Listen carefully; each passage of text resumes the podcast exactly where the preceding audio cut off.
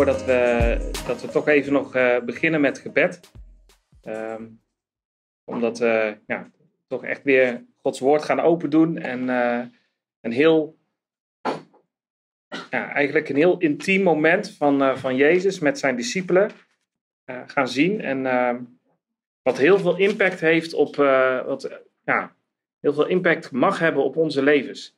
En dus ik denk dat het goed is om, uh, om opnieuw te vragen ook aan, aan de Heere God van of, uh, of we echt mogen begrijpen wat, uh, wat, wat de Heer Jezus hier zegt tot zijn discipelen en daarmee ook tot ons. En um, ja, dat we echt het verlangen mogen hebben dat we God mogen zien vanavond. We bidden.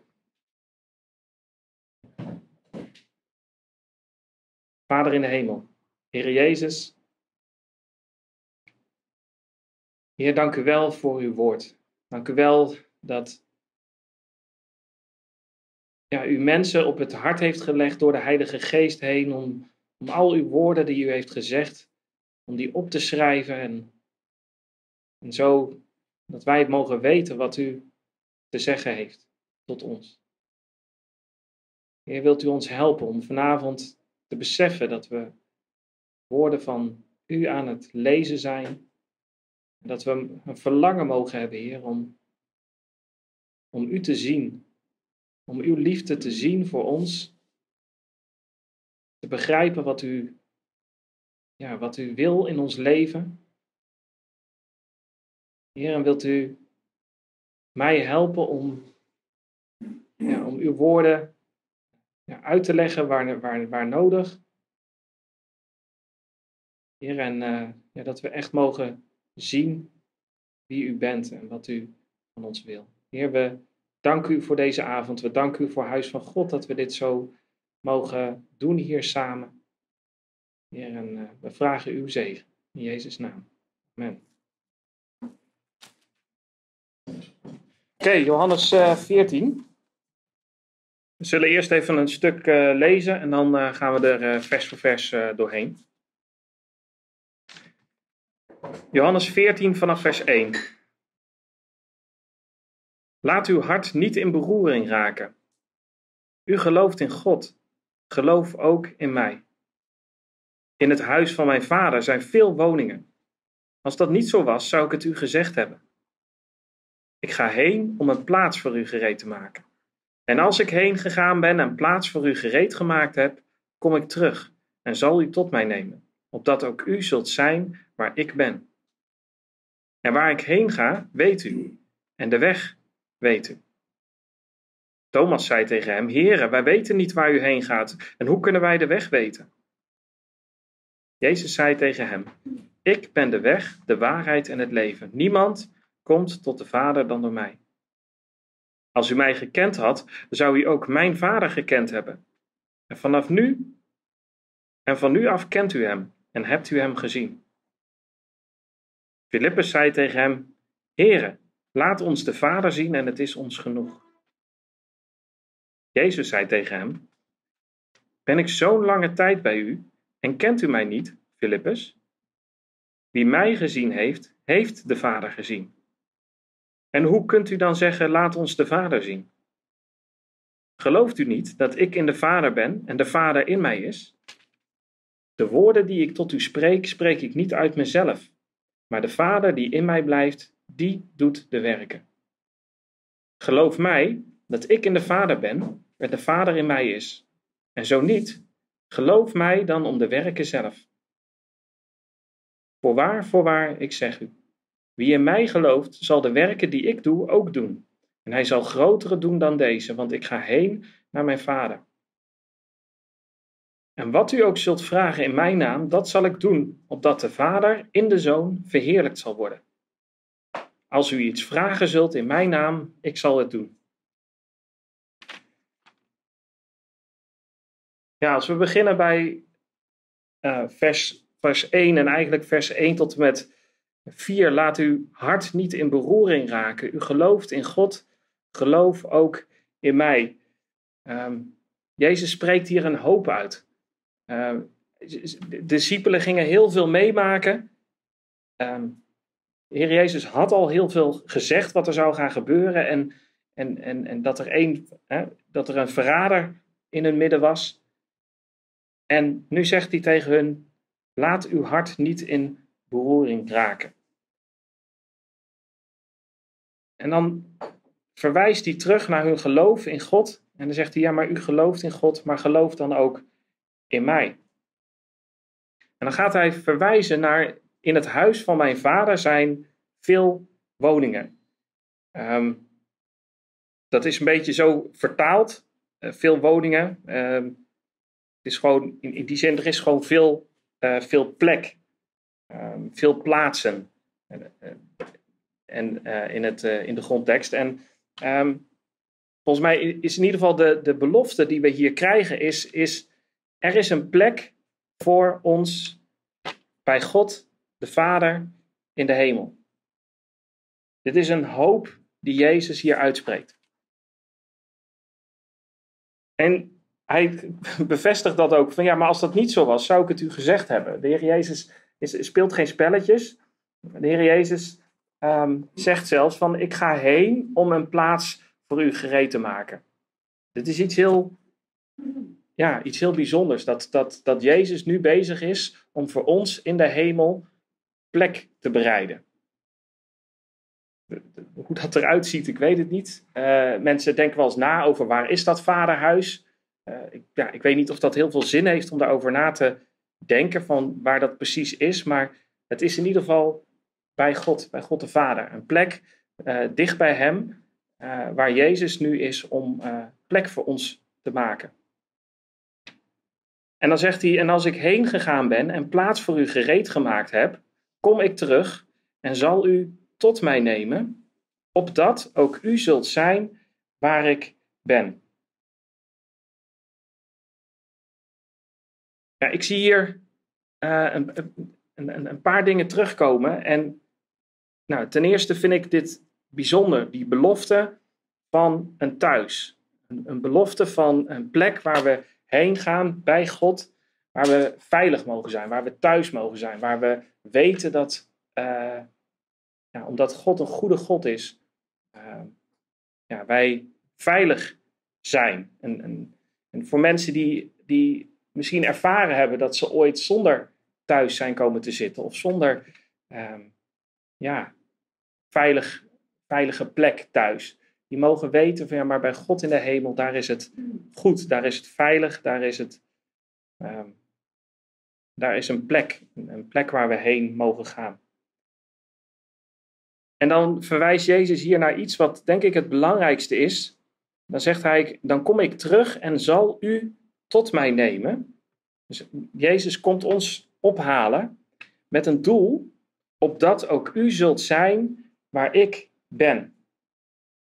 En, en, volgens mij is dat het aller, allerbelangrijkste voor ons in ons leven.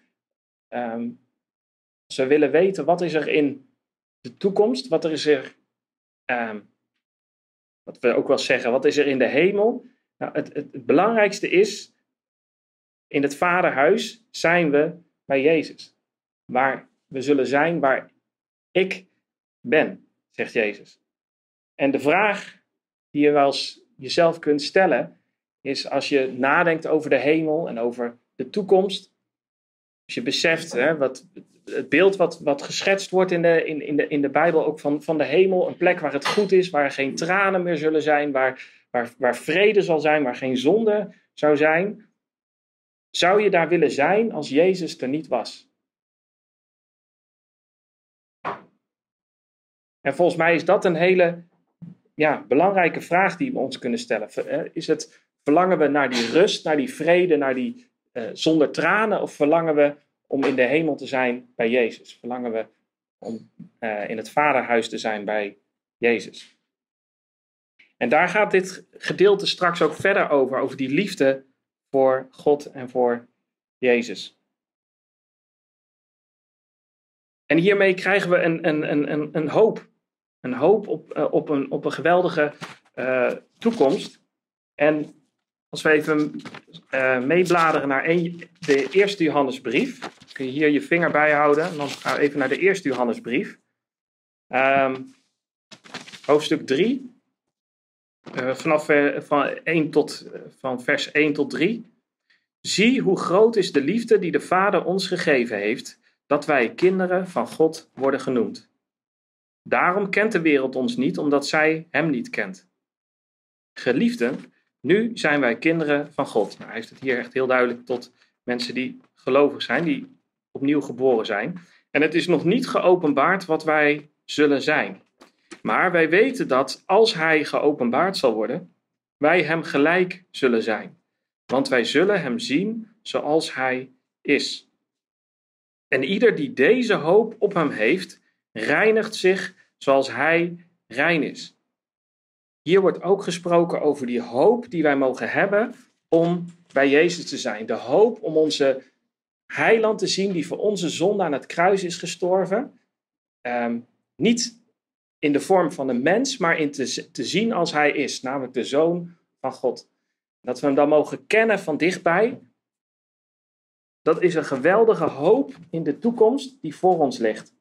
En in de eerste Johannesbrief zien we dan ook terugkomen dat hij zegt van als je deze hoop op hem hebt, dan ga je je reinigen. Ieder die deze hoop op zich heeft, die reinigt zich zoals hij rein is. Dat doet iets met je. Als jij vooruitkijkt naar de Heer Jezus, dan, uh, dan doet dat iets met je. Dan kun je niet zeggen van nou, dan blijf ik dus nu maar gewoon doorleven in mijn zonde. Nee, je verlangt ernaar om uh, te worden uh, ja, zoals hij is.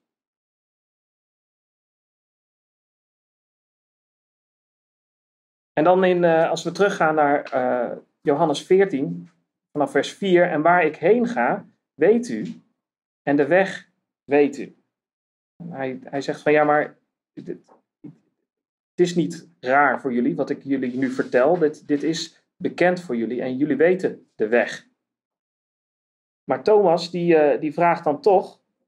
Um, Thomas zei tegen hem: Heren, wij weten niet waar u heen gaat en hoe kunnen wij de weg weten? Dus Thomas zegt: Ja, maar wacht even. Uh, ik, waar heeft u het over? En um, ergens, misschien heeft, heeft Thomas wel een beetje een punt, in de zin van,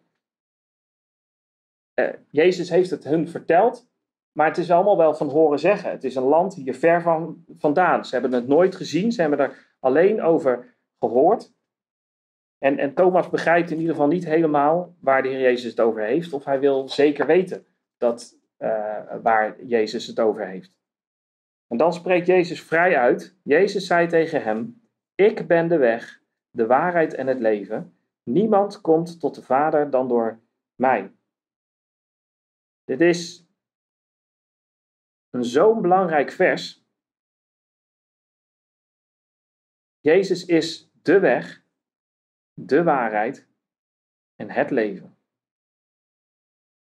En dan zegt hij erachteraan: Niemand komt tot de Vader dan door mij. Er is geen andere weg tot God, de Vader, dan door Jezus heen.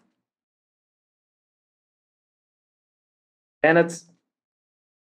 Ik, ik heb wel eens hier een, een, een preek over gehoord. En, en die persoon die stopte gewoon bij: Ik ben de weg, de waarheid en het leven. Stopte daar gewoon. En begon een, een, een heel verhaal te houden over hoe Jezus. Uh, hoe goed Jezus wel niet was. Maar wat hierachter staat is, is onderdeel van de boodschap. Niemand komt tot de Vader dan door mij. Er is geen andere weg dan Jezus. Maar het bijzondere is, iedereen mag komen. Dus aan de ene kant zegt Jezus, ik ben de enige weg. En aan de andere kant zegt Jezus, ja maar iedereen mag komen. Bekeer je en geloof het evangelie. Dat, dat staat open voor iedereen. Geen zondaar is te groot en geen zonde is te zwart. Maar we moeten wel het geloven in de Heer Jezus en het werk wat de Heer Jezus heeft gedaan. Ja, er zijn mensen die zeggen, ja, ik geloof in God, maar die zeggen ook, Jezus is niet de enige weg. Die zijn er ook. Maar die zeggen in principe dat God een leugenaar is. En die maken Jezus tot een leugenaar. Want Jezus zegt, ik ben de enige weg. En als iemand anders zegt, ja, maar er is een andere weg en ik geloof ook in God. Dan zeggen ze, Jezus is een leugenaar. Jezus zegt, ik ben de enige weg. En in Johannes 8, vers 42, die hebben we ehm, een paar keren geleden hebben die gezien. Dan zegt Jezus tegen de Joden: Als God uw vader was, zou u mij lief hebben, want ik ben van God uitgegaan en gekomen. Want ik ben ook niet uit mijzelf gekomen, maar Hij heeft mij gezonden. Als God uw vader was, zou u mij lief hebben. Dus als je een kind, als ze echt een kind van God zouden zijn, zouden ze ook Jezus lief hebben, want Jezus kwam van God af. Dus mensen die zeggen: Ik geloof in God, maar ja, ik geloof niet in, in Jezus. Ik geloof niet dat Jezus de enige weg is. Dat is de geest van de antichrist, zegt de, zegt de, de eerste Johannesbrief. Dat is niet, uh, ja, dan maak je Jezus tot een leugenaar. Maar deze boodschap is zo geweldig. Ik ben de weg, de waarheid en het leven. Niemand komt tot de Vader dan door mij. Als u mij gekend had, zou u ook mijn Vader gekend hebben. En van nu af kent u hem en hebt u hem uh, gezien. Ergens hadden zij nog niet het besef wie Jezus precies was en wat hij zou gaan doen. Um, en ik denk dat de Heer Jezus daarnaar verwijst. Van, van zij, zij hadden nog steeds het, het, uh, ja, een bepaald beeld van de Messias. Ik bedoel, wij kijken terug op de, op de evangelie en weten wat er allemaal gebeurd is. En we weten dat hij aan het kruis is gegaan. En, en, en, um, en ergens hadden de discipelen het toch nog niet helemaal begrepen. En zegt hij ook van ja, maar als je mij nou echt gekend zou hebben, zou je ook uh, God gekend hebben, mijn vader gekend hebben. En dan zegt hij dus ook van, van nu af aan, kent u hem en hebt u hem gezien. Dit is de, om, de omkeer. Vanaf nu af aan gaan al die dingen in vervulling komen, uh, ja, waarvan we ook kunnen zien van ja, maar dit is echt um, ongekend. Dit is uh, de, Zoon van God die voor uh, onze zonde aan het kruis is gestorven. En dan zegt Filippus als antwoord Filippus zei tegen hem: Heere, laat ons de Vader zien en het is ons genoeg. Dus ergens um, drong het nog niet door tot ze dat Jezus niet alleen de zoon van God is, maar ook uh, God. Dus hij vraagt van ja, maar laat mij dan God zien en het is, het is ons genoeg. Dat, dat is voldoende. En, en um, ik heb daarover na zitten denken, maar er zitten veel uh, vragen die, die mensen tegenwoordig nog steeds stellen, uh, die hierop lijken.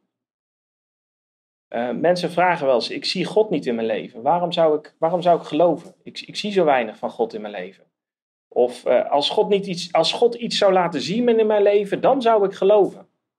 Of um, waarom doet God niet dit? Of waarom doet God niet dat? Eigenlijk allemaal vragen waarin ze zeggen van ja, toon nou werkelijk God. Laat, laat nou werkelijk een bewijs zien en dan geloof ik in God. En het bijzondere is, dat zullen we ook gaan zien in het antwoord van de Heer Jezus, maar uh, is dat Jezus zegt uh, in vers 9, Jezus zei tegen hem, ben ik zo'n lange tijd bij u en kent u mij niet, Filippus?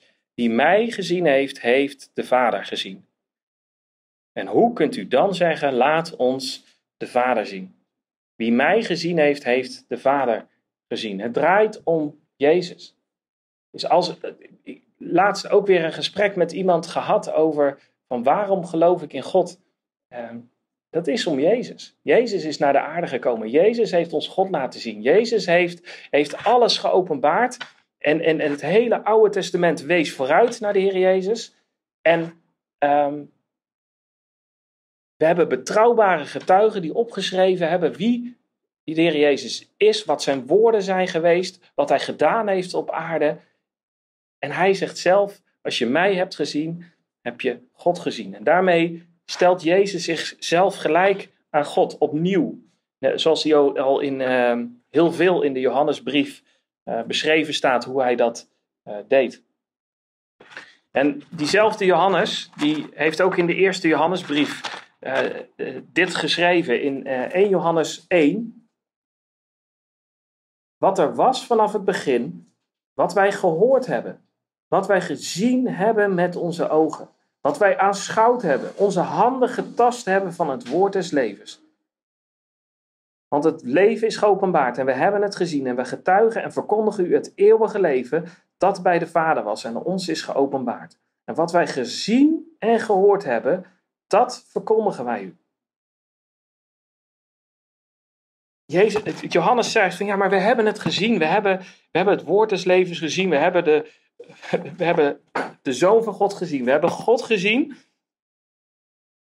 We hebben ons met onze eigen handen hebben hem getast. We hebben, we hebben hem gezien met onze ogen. We hebben hem gehoord. En, en die ooggetuigen, die hebben hun leven ervoor gegeven om, om, om, om deze betrouwbare ja, woorden over te brengen aan ons, zodat wij ook zouden geloven. En daarom is het volgens mij ook zo belangrijk om ook zelf de Bijbel te lezen en om zelf ook de Evangelie te lezen. Omdat je daarin Jezus ziet. Je ziet, um, je ziet, het, je ziet de liefde van Jezus voor de mensen. Je ziet de liefde van Jezus voor, voor ons allemaal. En um, als je Jezus hebt gezien, heb je God gezien.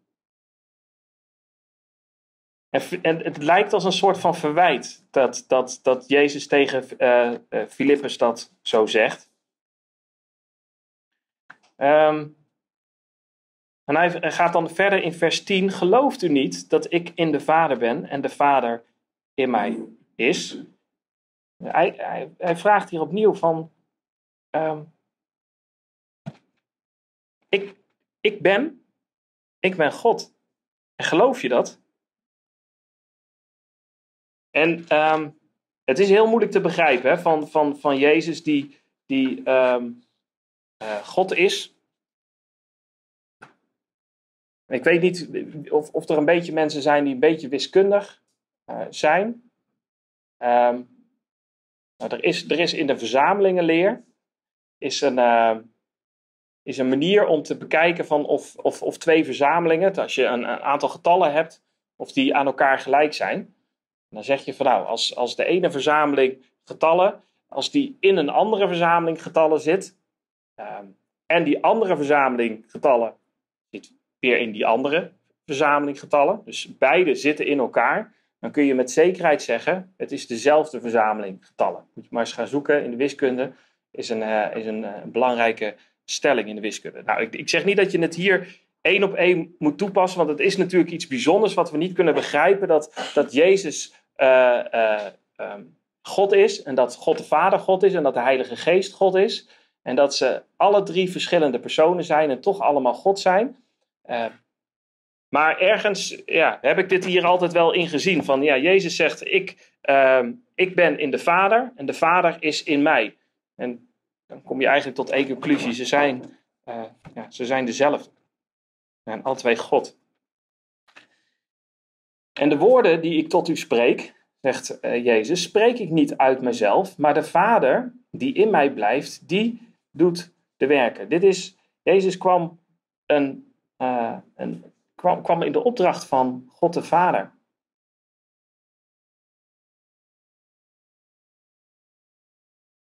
En hij liet ook zien van, nou, ook alles wat ik doe, dat komt uit de Vader. Hij doet de werken.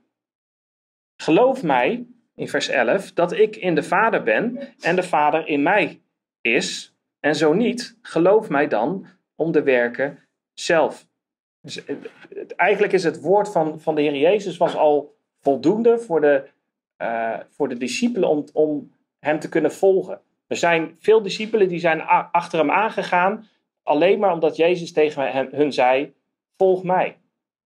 Hij niet meer tegen ze te zeggen en zij gingen achter hem aan. En, en, en, en Petrus die wist op een gegeven moment ook te zeggen van ja, maar hè, u, u, u bent de zoon van de levende uh, God. Maar um, als dat niet voldoende is, als het woord van Jezus niet voldoende is, hebben wij ook al die wonderen die Jezus gedaan heeft. En, en die, zijn, die zijn onbeschrijfelijk, hoeveel wonderen Jezus allemaal gedaan heeft. Um, en, en dan zegt Jezus van nou, als, als, je, als je mij niet op mijn woord gelooft, geloof mij dan maar om wat ik uh, gedaan heb. En dan gaat hij verder op die werken wat Jezus heeft gedaan. En dan zegt hij voorwaar, voorwaar, en dan moeten we altijd heel goed opletten. Ik zeg u, wie in mij gelooft, zal de werken die ik doe ook doen. En hij zal grotere doen dan deze, want ik ga heen naar mijn vader. Nou, ik denk dat we ja, moeten opletten om deze woorden niet uh, verkeerd te begrijpen. En um, te kijken van wat, wat, wat, wat, wat zegt Jezus hiermee. Um, nou, ze, ze, eerst beginnen met zal de werken doen die ik ook doe en grotere. Maar wat Jezus heeft gedaan, hij heeft, hij heeft doden opgewekt. Hoezo zijn er nog grotere wonderen dan al die wonderen die Jezus heeft gedaan? Nou, volgens mij, en, en, en velen geloven dat met mij, spreekt Jezus hier over um, het, onder andere over het wonder van bekering. Dat, dat als, als, uh, als je kijkt van uh, hoe de, de discipelen, de eerste discipelen en, en alle discipelen na uh, hun, hè, de gemeente van God, hoe die erop uit is gegaan om aan alle mensen het evangelie te brengen en hoe God mensen tot bekering brengt uit de duisternis naar hem toe uh, trekt. Dat is, een, dat is een geweldig wonder. Dat zijn hele grote wonderen. En als je alleen al kijkt op Pinksteren, in, in, in, op Pinksteren zelf komen 3000 man ineens, boem, tot geloof. Op, op, op, op de prediking van, van het woord door Petrus heen, door de kracht van de Heilige Geest. En de nadruk in deze zin ligt volgens mij ook in het want. Hij zegt, hij zal grotere doen dan deze, want ik ga heen naar mijn vader. Daar ligt de, de, de belofte volgens mij waar, waar Jezus naar uitkijkt. Van ik ga heen naar mijn vader. En ehm, dan staat erachter, en wat u ook zult vragen in mijn naam, dat zal ik doen, opdat de vader in de zoon verheerlijkt zal worden. Dus volgens mij ligt hier in deze uh, tekst, legt Jezus de nadruk op de gever, op, op, op het doel van wat wij uit naam van de Heer Jezus mogen uh, doen in de wereld. En dat heeft als doel, zegt hij hier, opdat de Vader in de Zoon verheerlijkt zal worden. Dus als God iets geeft, dan doet hij dat om verheerlijkt te worden in Jezus, de Zoon. Als je daarover nadenkt, dat kan dus ook alleen maar als Jezus echt God is. Want anders zou God de Vader aan afgoderij doen. Iets wat aan een andere God iets eer geven, maar dat is niet. Jezus is God en Jezus wordt verheerlijkt, of God wordt verheerlijkt in de Zoon. En dat is het doel. En dan zegt hij, en dat is de reden van wat u ook maar zult vragen in mijn naam, dat zal ik doen.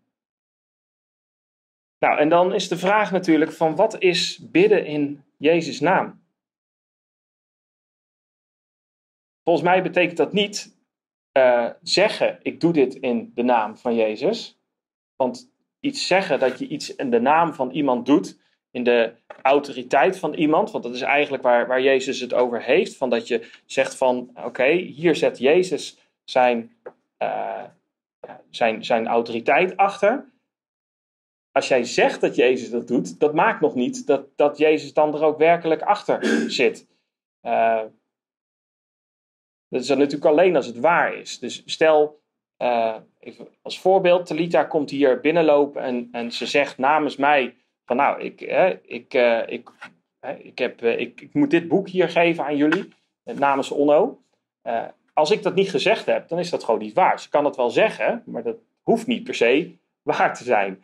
En dat is hetzelfde punt met mensen die uit de naam van Jezus dingen doen. Dat hoeft niet waar te zijn. Als je kijkt in uh, Matthäus uh, 7, dat, is even linksaf, die hebben we vaker gelezen. Um, maar dat is wel een belangrijke. Want in Matthäus 7, vers 22 zegt Jezus, uh, als we dan beginnen vers 21. Niet ieder die tegen mij zegt, Heere, Heere, zal binnengaan in het koninkrijk der hemelen, maar wie de wil doet van mijn vader die in de hemelen is. Daar zie je al de, de sleutel terugkomen. Velen zullen op die dag tegen mij zeggen: Heere, Heere, hebben wij niet in uw naam geprofiteerd en in uw naam demonen uitgedreven en in uw naam veel krachten gedaan? En dan zal ik hun openlijk zeggen: Ik heb u nooit gekend. Ga weg van mij, u die de wetteloosheid werkt. Dus zeggen dat je iets doet in de naam van Jezus, betekent nog niet dat je het doet in de naam van Jezus. Maar wat is het dan wel? Nou, als je naar uh, rechtsaf gaat in de Bijbel, in, naar de eerste Johannesbrief weer, je legt dat heel goed uit. 1 Johannes 5, vers 14. En dit is de vrijmoedigheid die wij hebben in het toegaan tot God, dat Hij ons verhoort telkens als wij iets bidden naar Zijn wil. En als wij weten dat Hij ons verhoort, wat wij ook bidden, dan weten wij dat wij het gevraagde dat wij van hebben hebben gebeden, ontvangen. Dus bidden in Jezus' naam heeft te maken met bidden naar Zijn wil. Als wij iets bidden wat, wat, wat God wil bereiken hier op deze aarde, uh, dan, um, dan mogen wij weten dat God het verhoort. En dat heeft als doel dat Jezus verheerlijkt zal worden, of dat de Vader verheerlijkt zal worden in de Zoon, in Jezus. En daarom mogen wij het ook vragen in de naam van Jezus. Alleen, dus als het gaat over we moeten iets bidden naar zijn wil, hoe weten we dan dat we iets bidden naar zijn wil? De eerste is eigenlijk heel simpel. Uh, God spreekt zichzelf nooit tegen. God is geen mens dat hij liegen zou, zegt hij ergens. Dus uh, we hoeven niet te bidden voor iets dat tegen het woord van God ingaat. Een hele simpele uh, toetssteen. Maar hoe weet je dat dan? Dan moet je wel de Bijbel kennen. Dus als wij bidden, moeten we ook beseffen van ja, maar we moeten ook wel weten wat God gezegd heeft. Zodat wij niet iets, dat wij niet iets gaan vragen wat God gezegd heeft. Ja, maar dat, dat, dat wil ik zo niet. Dus dat is, dat is één. Van, eh, we moeten gewoon ook de Bijbel kennen en weten wat God gezegd heeft. En dan, uh, nou, dan, dan, dan weten we ook of het wel of niet in overeenstemming is met zijn wil. En volgens mij is er dan nog een tweede, eh, ja, iets wat speelt in ons leven. En dat is of wij, um, ja, we moeten soms op een gegeven moment komen voor dingen te staan in ons leven waarvan we niet precies weten, is het Gods specifieke wil voor ons, ons leven? Is het iets wat God wil toestaan in ons leven, uh, waardoor wij uh, gaan groeien? Waardoor is het een beproeving die God toestaat in ons leven? ja, wat is het? En, en, en hoe moet ik daar dan mee omgaan? En de Romeinen 8, vers 28 en 29 is daar een hele belangrijk ja, vers in. Is als je vanaf vers 26. En evenzo komt ook de geest onze zwakheden te hulp. Romeinen 8 vanaf vers 26, sorry. En evenzo komt ook de geest onze zwakheden te hulp, want wij weten niet wat wij bidden zullen zoals het behoort. Dus ergens eh, ja, erkent eh, God van, van ja, wij weten niet precies wat we moeten bidden, maar de Heilige Geest komt ons te hulp. Maar dan weten we ook, de Geest zelf echter pleit voor ons met onuitsprekelijke verzuchtingen. Wat een, wat een, een, een rust geeft dat. En hij die de harten doorzoekt, weet wat het denken van de geest is, omdat hij, en dan komt hij, naar de wil van God voor de heilige pleit. Dus de Heilige Geest is ook een pleitbezorger voor, uh, voor ons. Maar hij bidt uh, naar de wil van God. Hij pleit naar de wil van God voor ons. En dan komt daarachter, en wij weten dat voor hen die God liefhebben, alle dingen meewerken ten goede, voor hen namelijk die overeenkomstig zijn voornemen geroepen zijn. Want hen die hij van tevoren gekend heeft, heeft hij ook van tevoren toe bestemd om aan het beeld van zijn zoon gelijkvormig te zijn. Dit, God, God laat alle dingen meewerken ten goede. Dat is een tekst die we niet uit het verband moeten trekken, maar dat mag wel ons rust geven. God staat dingen toe in ons leven En die gebruikt hij, zoals we in vers 29 kunnen zien, om ons ehm, aan het beeld van zijn zoon gelijkvormig te maken. Dus dat wij meer gaan lijken op Jezus. En ehm, dus ik denk dat als wij dingen, met dingen zitten in ons leven, dat we ook moeten opletten dat we in eerste gaan vragen aan de Heere God: van nou, Heere God, wat, wat wilt u met deze situatie? Is er iets dat u wilt leren aan mij? Uh, mag ik hiervoor bidden? Je mag, hè, wat Filippenzen ook zeggen, je mag alle dingen uh, bij, bij God brengen. Eventjes de, de, de vrije vertaling. Um, maar ja, breng het wel bij God en vraag van ja, maar wat wilt u hiermee? Is er iets misschien waar u mij wil, mee wil laten, uh, door wil laten groeien?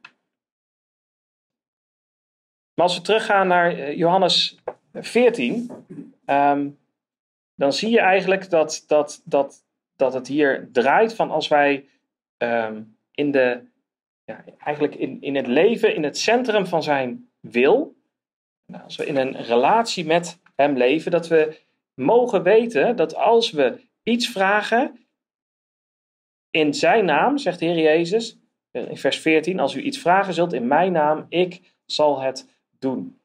Dus we hebben die belofte van Jezus wil, um, wil het verhoren tot verheerlijking van God uh, door zijn zoon heen. En dat heeft gewoon te maken, dat, God wil zijn wil gaan uitvoeren, maar dat betekent wel dat wij in zijn wil gaan wandelen. Wij zijn wil moeten zoeken en daar mogen we ook gewoon echt naar vragen. Dus ergens, hè, en dat, dat vind ik ook zo mooi in dat gedeelte in, in Johannes 14, je ziet niet die wonderen centraal staan, je ziet niet die werken centraal staan, maar je ziet God de Vader centraal staan en Jezus.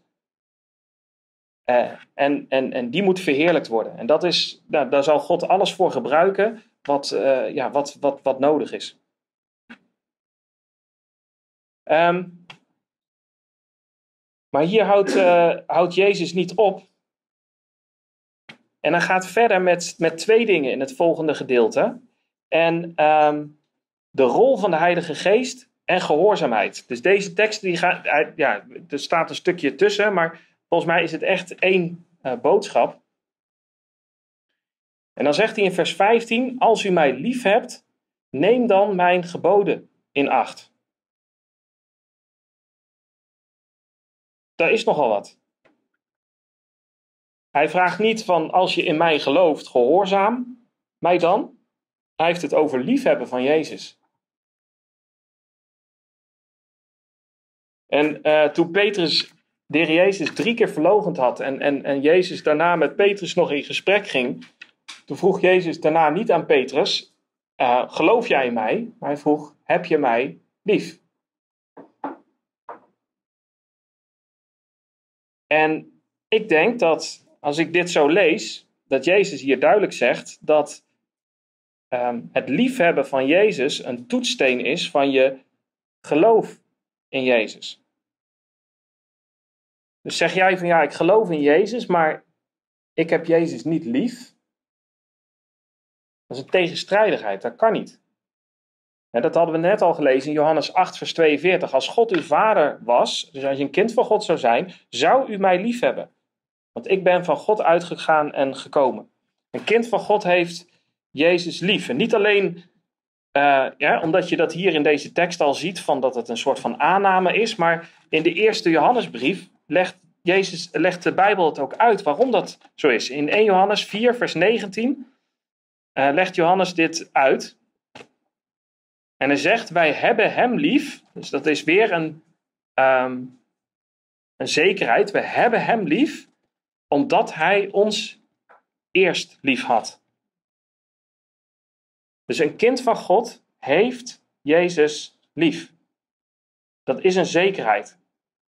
Het is, de liefde is ook een vrucht van de geest. Liefde voor God, liefde voor mensen.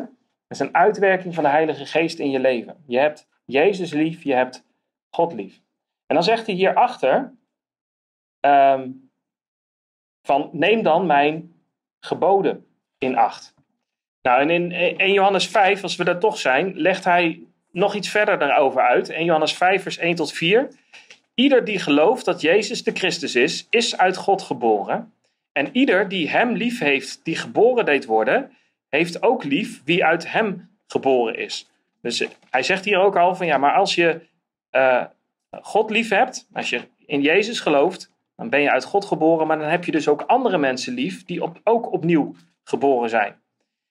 En dan gaat hij verder, hieraan weten wij dat we de kinderen van God lief hebben, wanneer wij God lief hebben en zijn geboden bewaren. Want dit is de liefde tot God, dat wij zijn geboden in acht nemen en zijn geboden zijn geen zware last. Dus hij legt uit wat liefde voor God is. En dat, dat, dat is de liefde voor God uit zich dat jij God gaat gehoorzamen. En die gehoorzaamheid leidt onder andere tot liefde voor andere gelovigen. En liefde tot God. Nou, als je dat zo ziet, als u mij lief hebt, neem dan mijn geboden in acht. Daaraan, zit, daar, daaraan koppelt de Jezus wat. Hij zegt, dat is een opdracht. Als u mij lief hebt, neem dan mijn geboden in acht.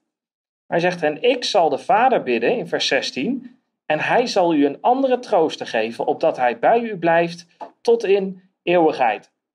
Dat net vertelt dat hij weg zal gaan, maar hij, hij belooft de trooster, de Heilige Geest, die zou blijven tot in eeuwigheid. Dit is ook opvallend, hè? het is de geest die blijft tot in eeuwigheid. Het is niet een geest die, de trooster die blijft totdat je een zonde gaat of zo, dat die weer vertrekt. Nee, dit is de Heilige Geest die blijft. En dan gaat hij, zegt hij verder, vers 17, namelijk de geest van waarheid. Er wordt ook de geest van waarheid genoemd. En Jezus zegt net, ik ben de weg, de waarheid en het leven.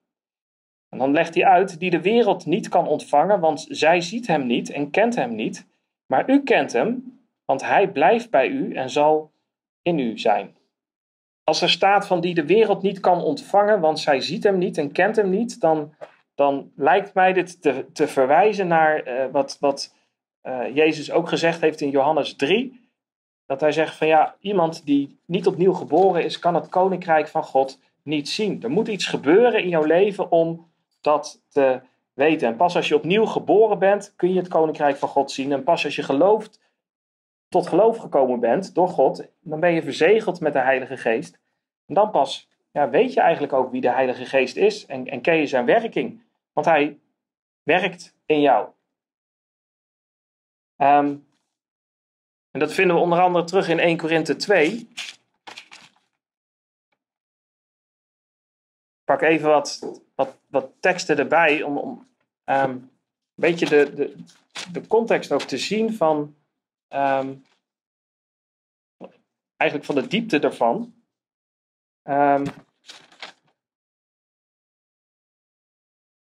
In, in 1 Korinthe 2 vers 12, dan, dan kijkt Paulus uh, uh, eigenlijk terug op de geest die we ontvangen hebben, over, op de Heilige Geest. Dan staat er, en we hebben niet ontvangen de geest van de wereld, maar de geest die uit God is, opdat wij zouden weten de dingen die door ons God, die ons door God genadig geschonken zijn. We hebben de Heilige Geest gegeven, zodat we de dingen kunnen zien van God, die God ons gegeven heeft. En van die dingen spreken wij ook. Niet met woorden die de menselijke wijsheid ons leert, maar met woorden die de Heilige Geest ons leert om geestelijke dingen met geestelijke dingen te vergelijken. Maar de natuurlijke mens neemt de dingen van de geest van God niet aan, want ze zijn een dwaasheid voor hem. Hij kan ze ook niet leren kennen, omdat ze geestelijk beoordeeld worden. Dus ja, volgens mij spreekt de Heer Jezus hierover van ja, die, die, die Heilige Geest, die heb je nodig. Um, en um, en hij, heeft, hij geeft aan, de, aan die discipelen van ja, jullie geloven in mij en jullie zullen hem uh, ontvangen. En dan zullen jullie hem ook kennen, want hij blijft bij u en hij zal in u zijn. Het is iets, een, een, een mooie belofte voor, voor hun van ja, maar let op, uh, jullie blijven niet alleen achter. Hij zal in u zijn. Iets bijzonders bij de, bij de, op Pinksteren, toen de Heilige Geest uitgestort werd, gebeurt er iets bijzonders. Dat, dat de Heilige Geest hè, door geloof echt in ons komt wonen en gaven met zich meebrengt, die God uitdeelt Allerlei gaven die God wil gebruiken om, om de gemeente te bouwen en om, om het evangelie te brengen in de wereld. En um, in, in vers 18 gaat hij daar dus ook opnieuw verder op dat, op dat punt van dat we niet alleen zijn. Dat God iets, een, een, een nieuwe trooster geeft. Ondanks het feit dat, dat Jezus wegging, zou hij een trooster geven. Ik zal u niet als wezen achterlaten, ik kom weer naar u toe. Nog een korte tijd en de wereld zal mij niet meer zien, maar u zult mij zien, want ik leef en u zult leven. Ja, volgens mij gaat dit ehm, eh, niet alleen over de, de, de, de opstanding, want die zou ook gaan uh, gebeuren.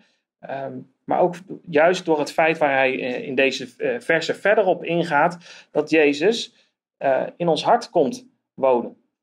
En dat wij eeuwig leven hebben door God, hè, dat we verzegeld zijn met de Heilige Geest en dat we door die Heilige Geest God mogen kennen. Ik leef en u zult leven. Wat een belofte krijgen ze hier vooraf, voordat de, uh, ja, Jezus zou sterven en opnieuw zou opstaan uit de dood. Op die dag, het gaat volgens mij over het moment van de uitstorting van de Heilige Geest. Op die dag zult u inzien dat ik in mijn Vader ben en u in mij en ik in u.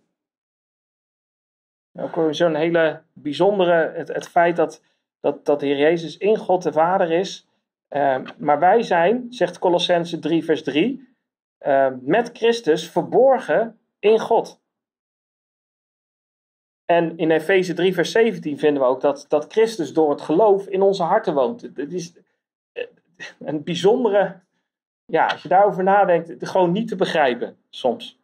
Uh, vaak, altijd. Ik begrijp het in ieder geval heel vaak niet. als je daarover nadenkt, van, van wat God allemaal uh, ja, heeft gegeven. Dat je denkt van, uh, oké, dus, dus wij zijn in Christus, maar Christus is ook in ons.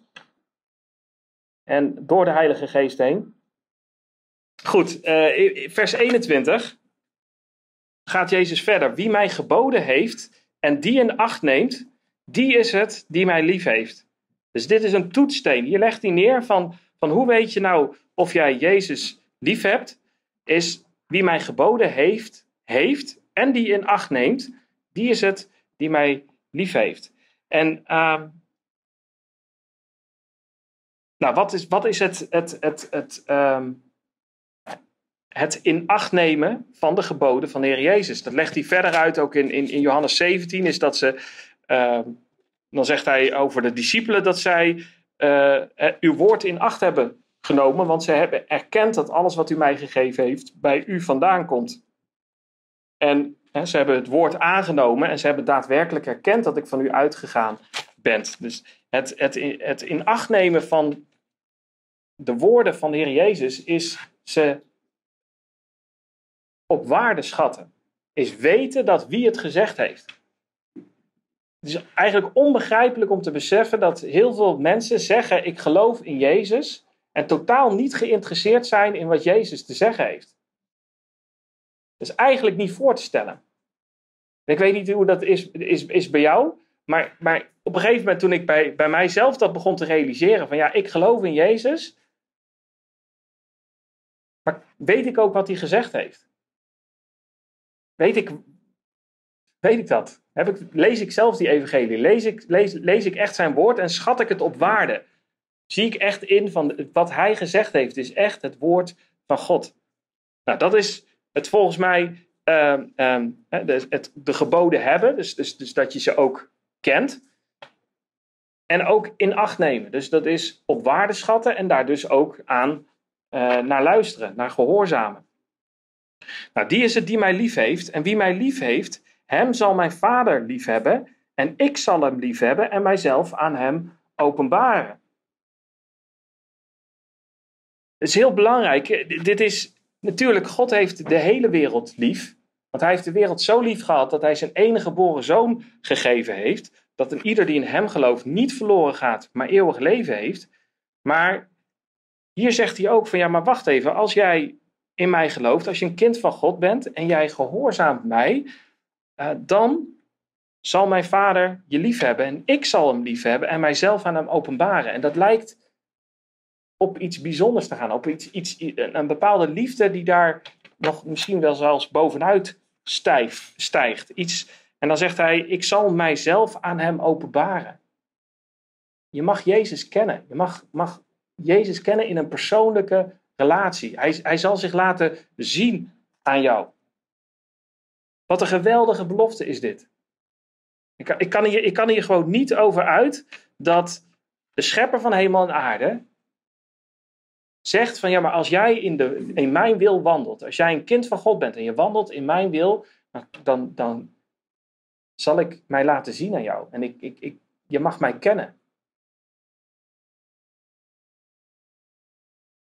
En als je erover nadenkt, dit is geen voorwaardelijke liefde. Ondanks het feit dat het zo lijkt. Hè, hij, Jezus zegt van, als je mij lief hebt en mij gehoorzaamt, nou dan, uh, hè, dan zal uh, ik hem lief hebben en mijzelf aan hem openbaren. Dat klinkt, dat klinkt heel erg voorwaardelijk. Maar als wij beseffen van wie we die liefde hebben gekregen, die liefde hebben wij van God gekregen. Hij heeft uh, het geloof gegeven en door het geloof met de Heilige Geest ontvangen die stort. We hebben hem lief, omdat hij ons eerst heeft lief gehad, zegt 1 Johannes. Dus het komt allemaal van God af.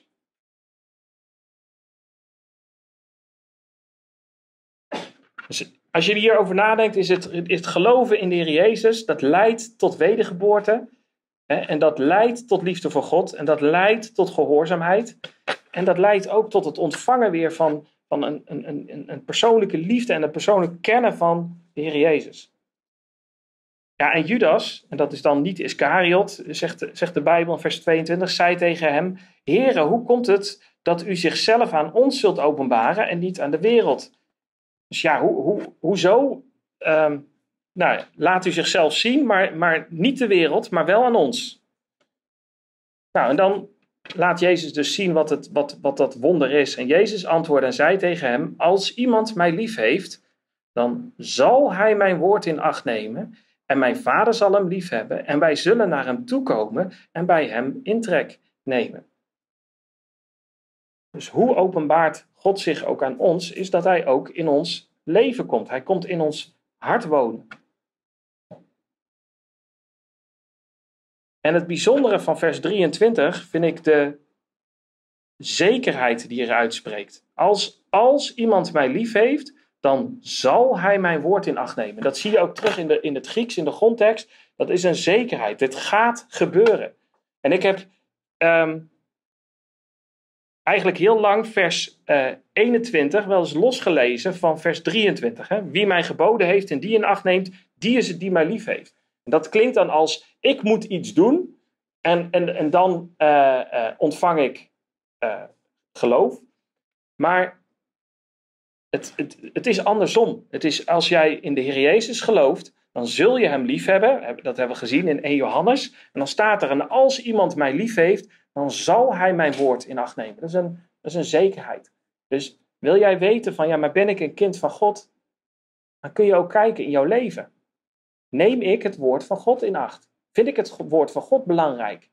Probeer ik er naar te leven? Probeer ik uh, ja, daarin te groeien? Natuurlijk is het een groeiproces, maar is dat is dat verlangen Wordt jouw leven gekenmerkt door, door, door het gehoorzamen van, van het woord van God?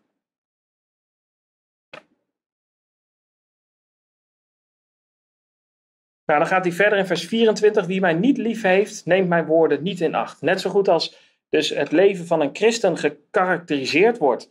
Dat het kenmerk daarvan is dat, dat, dat je Jezus volgt en dat je Jezus gehoorzaamt en dat je Jezus lief hebt. Is uh, het kenmerk van iemand die niet opnieuw geboren is, die ook Jezus niet lief heeft, dat hij gewoon niet luistert naar God. Die niet luistert naar zijn woorden, niet luistert naar Jezus. En dan zegt hij ook, en het woord dat u hoort is niet van mij, maar van de Vader die mij gezonden heeft. Opnieuw zegt hij, dit komt van God de Vader af. En deze dingen heb ik tot u gesproken terwijl ik bij u verblijf. Dus, uh, de heer Jezus heeft veel dingen gezegd uh, tegen ze. Um, maar, zegt hij in vers 26, maar de trooster, de Heilige Geest, die de Vader zenden zal in mijn naam, die zal in, u in alles onderwijzen en u in herinnering brengen, alles wat ik u gezegd heb. ik kan me voorstellen dat dit voor de discipelen een enorme troost was. Ehm, ik weet niet hoe dat bij jullie zit, maar mijn geheugen om, om, om te onthouden wat mensen tot mij zeggen, dat is maar beperkt. Ik, ik hoor op een gegeven moment dingen en op een gegeven moment weet je, hij had dit toen en toen en toen gezegd, maar hoe had hij het ook weer precies gezegd? En ik kan me best voorstellen dat die discipelen, nu ze te horen kregen dat uh, Jezus uh, uh, naar God toe zou gaan, naar, God de Vader zou gaan, dat ze dachten, ja maar weten we nog wel alles wat hij gezegd heeft? Want hij zegt ja, als je mij lief hebt, dan zul je mij gehoorzamen, dan zul je mijn woord in acht nemen. Dus misschien dachten die discipelen op dat moment wel, ja maar weet ik wel alles wat, ik, wat hij gezegd heeft? Nou, en dan komt die vers 26, wat ook uh, gelijk een, een, enorme belofte is voor ons, waarom wij ook de Bijbel zo kunnen uh, vertrouwen.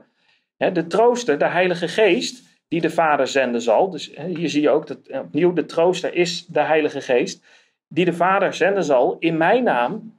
Die zal u in alles onderwijzen en u in herinnering brengen alles wat ik u gezegd heb. Dus wij weten dat wat hier is opgeschreven in de Bijbel, dat is zoals Jezus het gezegd heeft.